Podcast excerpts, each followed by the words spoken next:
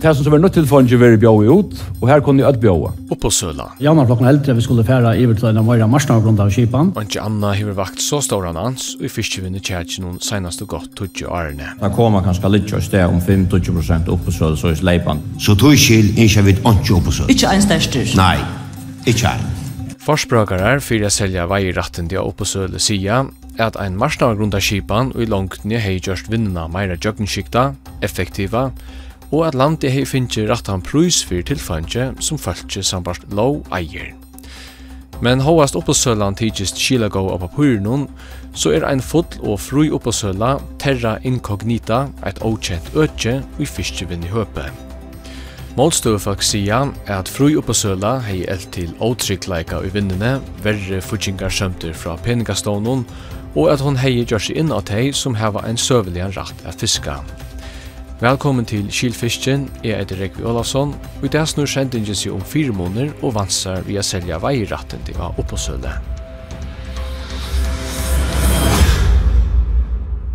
is where it opens in now 200,000. Videre støtt i amerikanska byen Annapolis i staten Maryland. Now looking for 210. En gommel dukka er ferden av oppåsøle. 10,000 to go now. Can you do Huskåttet er einfalt, Seljarin seter ein minsta prøys, og i hesum fører noen 155.000 dollarar. Og så fer kjeipara marsnavren, det vil si at hei som er møtt opp til oppåsølna og i gongt vi kappjåa. Han som bjóar hakst vinner ratten at kjeipa vörna. Og marsknavren tidsist at heva sera gott eia av dukkene.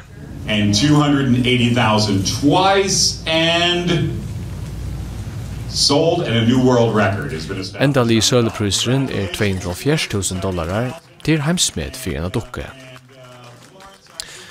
Men ein dukka er ein utøkjelig loter, og henta opp på sølan fire gonger i gjennom rume, her öll tei som bjóa er ut tjastøtt. Berta til er selja eina meira abstrakta vörre av sama hatt. Håast oppesøler i allmennare fætan ofta vera settar i samband vi list og antikkvörer og lujtjast underhaldande utgaven i Maryland, så er det minst lika vanligt at selja minne spennande handelsvörer, handelsvører, raevne, bosteier, brukta vörer og mengt anna av oppbøye. Og hetta ber eisne til håast folk ikkje er i sama rume. Takk Facebook-bølgen, rådekassin 426, Her flere enn 30.000 føringar dagliga selja vører til haksbjåande av netenom. Husgådi om a selja fiskeratten og på sa dagsens ljós og i varfra greinjene tja buskaparranon og i år 2000. Buskaparrai sette spurning vi om det er rymelig at veirattende og i landet hever lade reiaruion og kjeipes vera selt vujare til ånne reiarui vi stårum vinninje.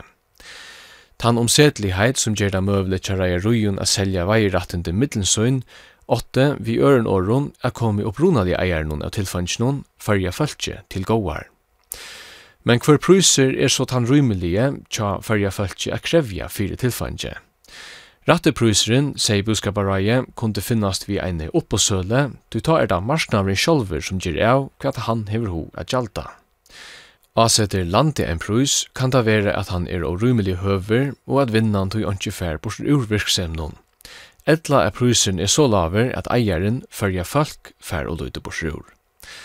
Vire som veier rattenden i heva av en oppåsøle endespegla at her vire som fiskeren hever til en reia ruje, men er heller ikke så høgt at det skalar lønsemi i vinnene. Tvers måte kan oppesølan betra om lønsemi vil det boskapa rai vera vi. Kappingen vi erar aktørar av en fru og marsnaie, her ødla vi avgångt, hei haft visser større trusht av vera effektiver. Og i ene kappingarstøve kan ønsken kvila av laurberga bløvnum. Og i langtne hadde urslita luitil reiarui veri salta fra, tei urslita gau hadde veri etter, og lønsemi og vinnene hei såleis blive betre. Sambart heitaste forsprakaren fyrir oppe søle hei fruja ergongden til vinnene haft visser, at førleikjen var størsta avbjøringen fyrir a sleppa fram eit til fansjonen. Under verande skipan er det fyrisitningarliga metingen i fiskemalaranum som fyrst og fremst er ein klepper fyrir nudjar aktörar. Ein frujar etgång hei eisne veri ein forring fyrir at veirattendene vera sauna av farri håndton og her vi at vinnan fær politist vald. Her hei tå utan iva veri neiot vi så nevndun antitrust av marskingon, etla ha-marski fyrir, hvordan eg rattende eit einstak reiarui hever loivi at heva. Men ein oppåsøla er ikkje utan ivamal. Fria kappingen som oppåsølan av papurnon skal veita kan averskast av flere vidskiftun. Og strengar antitrust-avmarskingar kunne gjere at kappingen veri skjert, tog avvisreia rui langt er så stor at dei ikkje få løyvi a bjóa. Vi hesson førnån kan talan være om nøkra av taimunreia ruion som er mest effektiv, og tek han avverska iviskipa viskipa i lønsemi og i vinnene. Tui ber illa til at hos om oppåsøle, utan eisen at hos om hvordan nekva misavnan av veirattin don politiska skipanen kan liva vi. Og veik regulering kan hinvin hava visser at sterskaste reierne er så sterskir at her kunne ivebjåa tar smave som røyna er koma inn i vinnena. Møleikane fri a få futsing til skip kunne eisen avmarska kappingsna.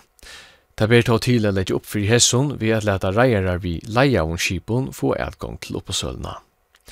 Eisen er nøyut at gjøre av hvordan langt rattentene som vil bjå ut skulle være. Vei rattende som er galdande nekvar, elva til tryggare karmar tja vinnene og hervi større uiløy virkjeme. Hinvegen kunne stittre vei rattende skapa en meira dynamiska marskna og betre avgång tja nudjon rei rujon. Spurningar ver eisen setter vi støvefesti og i ene møvligare oppåsøle kipan om vinnan ikkje teker under vi kipanene. Og i tog føre ber tog til å spyrja om vinnan ikkje hever finnje sånn eg vald at hon gusla teker politiske kipanna. Og i ringasta føre kan ein oppåsøla elva til avtala spel, her reier er letja saman ra fyrir jeg trusta prus nyer. Hette ein vanti i ödlom vinnon og kan stekkast vi skilvusar regulering. Ein løgnelig oppåsøla, her bjóar er bæra bjóa eina fer, og her ödlbøyne vera almanna kunngjørt usen, kan fora fyrir tullugare samansvaring. Og til seinast kunne vi nevna søvelige, etla kjenslelige grunnkjøvingsna og imot i oppåsøle. Hendan er at dei som hava strust og strevast i vinnen i bei gåon og ringon tøyun og i nekvar, hava ein søvelig rett til tilfange, og at ein fri adgang til fiskevinnene vi oppåsøle tøy er ein hoan imot i herre arbeidnon som hese fyrr hava gjørst. Målstøvfolk har ofta nevnt at omfattande oppåsøla hei veri ein stor brøyting fyrir vinnena, Sambars nuskipanarnevntene er ikke anna land i heimenon som lotar öll rattindi ut tjøkken upp på søle, og tog er torsførst er meta om avleggingarnar av en omfattande omlegging. Røndenar av a selja fyrstirattende og oppbøye er å avmarska her. Og i fyrrjon var etta røynt av somri i 2011. Ta var oppå sølan vel etna fra en boskaparlig sjånarhåttene, hovast stor misnøgt vær vi ånder vi i skifte. I 2016 var eisni ein røndar oppå sølan. Kappingen var avmarska, og tog er spurningren om hendan kan brukast som fordøme en av meira omfattande oppåsøle. Rønder har eisne veri oppåsøle i Chile, Estlande og Russlande, men her er eisne vært talan om avmarskajar oppåsøler og i stått av tog. Ofta er eisne flere brøydingar gjørtar samstundes som oppåsølan var sett i gilde, og tog er ikkje visst hver avvarskan sjål oppåsølan hever haft av vinnena. Herum framt hefur politiske omkvarve veri åstøvut i hesson London, og hetta kan eisne djeva enn kamermynd av opposøl og avleggen. Og i omkron fyrir hever reguleringen alls ikkje veri nøktande, som eisne gjer ta torrførst at ettermeta. Ter eklaingar som kunne gjerast av fyrvirrande røyndon, bei og i fyrjun og erastjane, skulle så statt gjerast vi fyrvarne. Ter nekvar halvgåar boskaparlige grunnkjevingar fyrir enn er opposølu. Marsnavartreitnar som oppåsøler i behøver virka under kunne bæra så i bandet at prusren som landet teker for fiskatilfanje er av en rymelion og rattvusen støye. Men skal ein oppåsøla etnast er neiot at avvis ånder vi skifte eisen er jo i leie. Undertøka må i omkramon vera i vindene fyrir skipanne om hon skal halta i langtene. Ein illa regulera oppesøla kan i ringasta føre misbrukast, og tog moe foringar eisne setast fyrir avtala om spjale med den reiarar. Antitrost avmarsingar kun ikkje vera og huar, ei helder og loar, tog så skaikla der kappingsna. Gildestøyen av veirattendnun har eisne stittlast av en høskande støye, såleis at firemåneder vi marsnar kreftnun kunne koma til sin ratt, utan at her taka borster uiløv og hoen tja reiaruinun. Nuverande samgångaflokkar fóra vel i 2015 fyrir a seta eina marsnavergrunda i skipan og gildi fyrir føreske fyrstjevinnina. Hetta hava tar eisen nevnt i samgångafsjælunum.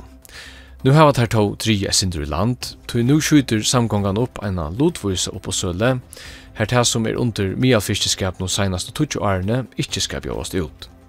Uppskottet er semjusøkjande og røyner at tettjast beiverande reiaron og oppåsølle talsmannen. Men nekrir samgångopolitikarar tidsast iverhöver skeptiskir om opposöld huskote. Det samme kan siast om sambandsflotjen som er besta boi tja samgångne a få en breia semju i løgtingsnå. Argasta motstøvan mot i opposøle kjemur ur fakkaflotjen som legger døyran vi at færflokkeren sin vilja fyr ikkje einsterster om en opposøle i framtøyene. Eins og oppåsøla hefur verið nekk mest omstruta evni i fiskivinni og senast om mongo årene, så verið hetta ivalest eisne høvesevni i løgtingsvidgjerne komande tøyina. Hetta var det vi høttu av bjóa i kylfiskin hesafer. Nasta sending verið migidegin etter porskjer klokkan 20 minutter iver holkon 1. Sendingen er eisne tøk av heimasyne kvf.fo framskak fisk og som podcast.